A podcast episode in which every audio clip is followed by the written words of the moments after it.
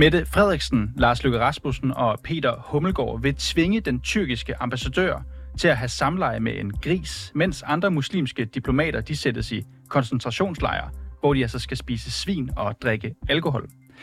Det her det er ikke virkeligheden, men det er i stedet plottet i Rasmus Paludans nye teaterstykke, som også vil byde på en koranafbrænding.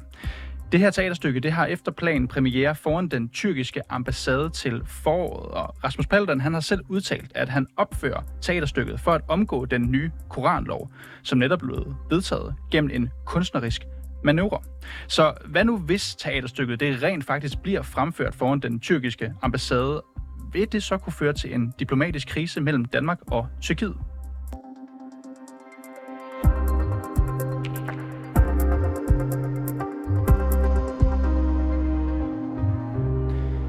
Velkommen til dig, Dennis Serinci. Mange tak. Du er redaktør på den dansk-kurdiske netavis Gian.dk. Du har skrevet en række bøger om tyrkiske og mellemøstlige forhold, og så har du fulgt tyrkisk politik i mange år, og det er også derfor, vi har inviteret dig i studiet i dag. Tidligere, der har vi set, at øh, Rasmus Paludans koranafbrændinger foran den tyrkiske ambassade i Stockholm, det udløste en øh, ret så stor mildt sagt diplomatisk øh, krise mellem Sverige og Tyrkiet, især i forbindelse med Sveriges ansøgning om NATO-medlemskab. Med dit kendskab til det politiske landskab i Tyrkiet, hvordan tror du så, at Erdogan og Tyrkiet det hele taget vil reagere, hvis det lykkes Rasmus Paludan at lave en, et, et teaterstykke, hvor han brænder en koran af foran ambassaden? Det tyrkiske ambassade i København. Det vil skabe en stor konflikt. Vi vil ende i en sprængfarlig situation. Tyrkerne vil være rasende over, at Paludan får lov til at afbrænde Koranen med dansk politibeskyttelse og lave nogle andre ting. Du nævnte noget med noget svinekød og noget, en eller anden øh, øh, voldtægt eller noget lignende. Ja, i selve plottet, der er der en række, kan man sige, øh, kan man, jeg vil ikke bruge ordet nødvendigvis provokerende, men der er i hvert fald nogle ret øh, maleriske ting, der sker i forhold til, til nogle muslimer. Men lad os bare holde den for, i forhold til koranopbrænding, som jo det loven også handler om. Du siger, at det vil blive sprængfarligt. Ja. Hvad betyder det? Jamen, vi vil risikere, at øh, tyrkerne vil boykotte danske øh, økonomiske interesser. Øh, vi vil risikere, at tyrkerne vil boykotte Danmark og lignende rent økonomisk. Hvad får du til at tro det? Jamen, hvis øh, Rasmus Paludan lykkes med det her teaterstykke her, så er de jo set ud fra et tyrkisk og islamisk synspunkt meget blasfemisk meget krænkende. Øh, så jeg forestiller mig, at de vil betragte det som meget provokerende, og dansk politi vil jo beskytte Rasmus Paludan. Der er det store spørgsmål, hvordan de tyrkiske medier vil fremstille det. Vil de fremstille det som om, at det så er den danske stat, der beskytter Rasmus Paludan, og et eller andet sted billiger hans handling? Eller vil de skrive, jamen Danmark har rent faktisk forbudt det, men han gør det alligevel på egen hånd? Mm. Selvom de skulle skrive det sidste, så tror jeg stadigvæk, at tyrkerne vil være vrede over, at han overhovedet har fået lov til det. Mm. Og, og det, der også for lytternes skyld er hele humlen ved det her, er jo, fordi nogen vil tænke, vi har jo lavet den her koranlov, som forbyder øh, afbrændinger. Men øh, der er så den her, kan man sige, øh, mulighed i loven, at hvis det er et teaterstykke i en sammenhæng, jamen så kan man øh, godt få lov til det. Men Dennis, vil vi se samme diplomatiske krise, nu nævnte jeg Sverige, og det, der skete mellem dem og Tyrkiet, vil vi se samme diplomatisk krise herhjemme, hvis uh, Rasmus Paludan han står og opfører sit teaterstykke, hvor Koranen blandt andet bliver afbrændt foran den tyrkiske ambassade? Der vil muligvis ikke være den samme reaktion fra tyrkisk side mod Danmark, som der var mod Sverige. Danmark er allerede med i NATO, så Tyrkiet kan ikke rigtig komme efter Danmark i NATO-regi på samme måde, men de kan komme efter Danmark på mange andre punkter. Hvad er det for nogle punkter? Boykotte dem økonomisk, eksempelvis, og lægge diplomatisk øh, pres på Danmark. Og så skal vi også huske på, at præsident Erdogan har det med at fokusere på Vesten og føre øh, opmærksomheden væk mod Vesten, væk fra interne økonomiske problemer i Tyrkiet, når han er presset, især op til valg. Og der er snart valg i Tyrkiet. Der er lokalvalg til marts, og det er også i den periode, jeg kan forstå på, at Rasmus mm. Paludan vil opføre mm. det her teaterstykke, så jeg kunne godt forestille mig, at Erdogan han vil fokusere på det her, som han plejer at gøre. Du siger det her med, at det vil blive øh, oplevet som om, at øh, Danmark støtter Rasmus Paludans handling, fordi man kunne godt forestille sig, at der skal være politi til stede ved sådan en, øh, en begivenhed her, sådan et teaterstykke, som man kalder det. Hvorfor tror du, det vil blive opfattet sådan? Dels fordi man i den del af verden, for eksempel i Tyrkiet, ikke rigtig forstår den danske øh, måde at gribe tingene an på, det der med øh, magtens tredeling, simpelthen fordi de ikke selv har det. Øh, ikke i praksis i hvert fald. Øh, altså det så man også under Mohammed-krisen, når danske politikere prøver at forklare de forskellige muslimske lande, at det er jo ikke noget, vi har gjort, det er noget, en avis har gjort på egen hånd. Jamen det havde de jo svært ved at forstå i autoritære stater, simpelthen fordi de ikke selv har den her tradition. Altså et af de helt store argumenter fra politikernes side og regeringens side for at indføre den her koranlov, det var jo, at vi skulle sørge for Danmarks sikkerhed og gode relationer til blandt andet muslimske lande. Altså hvis Rasmus Paludan han nu bruger, skal vi kalde det det her hul i loven, til at brænde Koranen af i det her teaterstykke, vil Koranloven, som har fået så meget opmærksomhed herhjemme, og også i udlandet, så være ligegyldig for et land som Tyrkiet? Nu er den jo lige blevet vedtaget. Stort set ja. Simpelthen fordi formålet var at forhindre afbrænding af Koranen. Jamen hvis han så alligevel kan gøre det, selvom det bare er et teaterstykke, jamen han gør det jo stadigvæk. Det var stadigvæk Koranen, der blev afbrændt. Men vil Tyrkiet ikke have forståelse for, at, vi trods alt, øh, at det trods alt skal være inden for de snævre rammer, som et teaterstykke også er? Måske, det må fremtiden vise. Øh, jeg kan ikke stå her og garantere øh, Tyrkiets reaktion, hvordan den bliver og ikke bliver. Men, men, men umiddelbart vil jeg mene, at Rasmus Paludan han nulstiller lidt Koranloven øh, i forhold til de muslimske lande ved at opføre det her teaterstykke.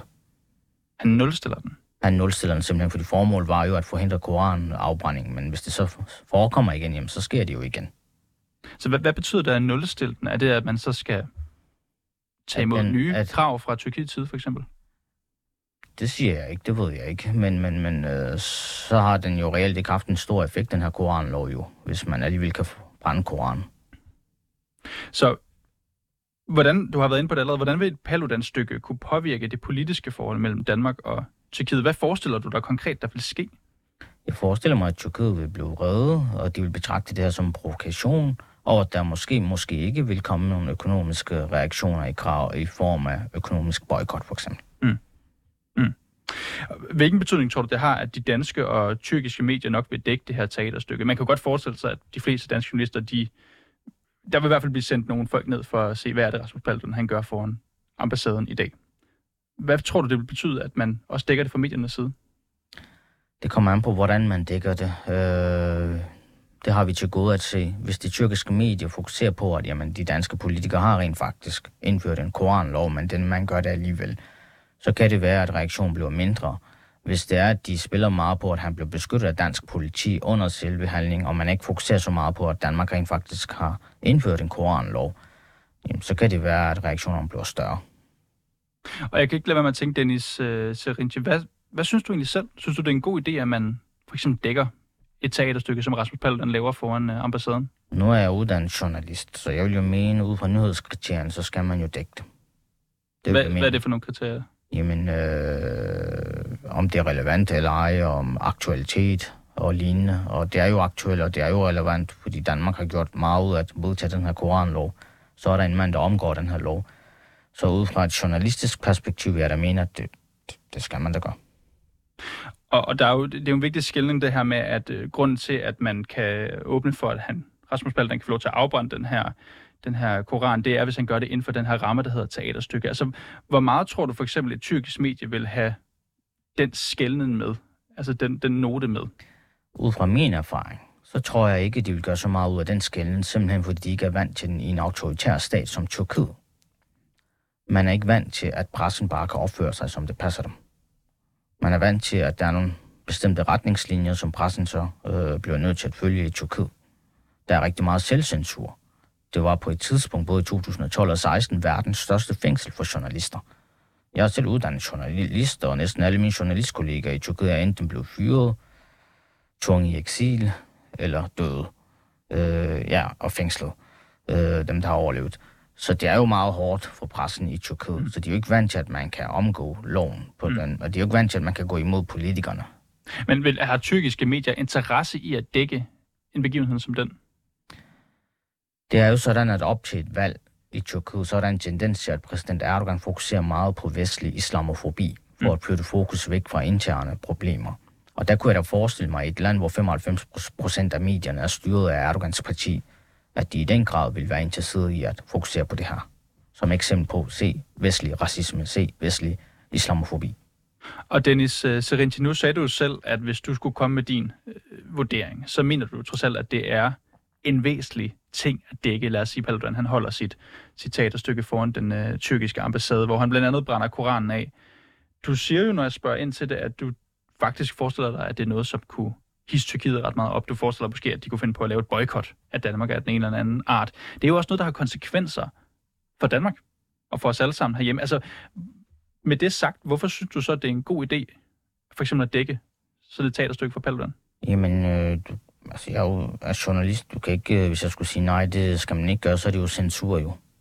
Vi, har et, vi er, bor i et frit land som Danmark, så hvorfor skulle man ikke det? Det er ikke noget, du vil have nogen kvababelser for? Altså, man skulle vise det, som er inden for lovens rammer i Danmark. Det er da klart, at hvis der er nogle scener, som er meget over grænsen, som er imod dansk lov, så kan man nok ikke vise dem på dansk tv. Men der er jo ikke, altså, der står jo i grundloven, at censur kan ikke indføres øh, noget af den stil. Så, så, så, så jeg kan ikke se, hvorfor man ikke skulle kunne vise det. Du siger det her med, at nu er der jo snart øh, kommunalvalg i Tyrkiet til foråret, ja, som ja. jo tilfældigt nok er samme tidspunkt, hvor Rasmus Paludan han har varslet, at han vil lave det her øh, teaterstykke for en tyrkisk ambassade. Tror du helt oprigtigt, at det er noget, som Erdogan, Tyrkiets præsident, overhovedet vil lægge mærke til, hvis det nu skete? Det kan jeg ikke garantere dig, men det vil jeg umiddelbart tro, fordi... Øh, Hvem skulle give ham besked om det? De tyrkiske medier, øh, de findes også i, i Vesteuropa. De har også repræsentationer i Vesteuropa, eller internationale nyhedsbureauer, som hvis telegrammer bliver oversat til tyrkisk. Der er en tendens til, at Erdogan fokuserer på vestlig islamofobi op til valg, for at flytte fokus væk fra egne interne økonomiske problemer. Dennis Serinci, du er redaktør på den dansk-kurdiske netavis Jian.dk, og du er ekspert i tyrkisk politik. Du skal have tusind tak, fordi du kunne komme i studiet her i dag. Selv tak. Bag den her udsendelse var Malte Storm Madsen, Jeppe Aumann Øvi, han er dagens producer. Mit navn det er Niels Frederik Rikkers, og Simon Renberg, han er redaktør.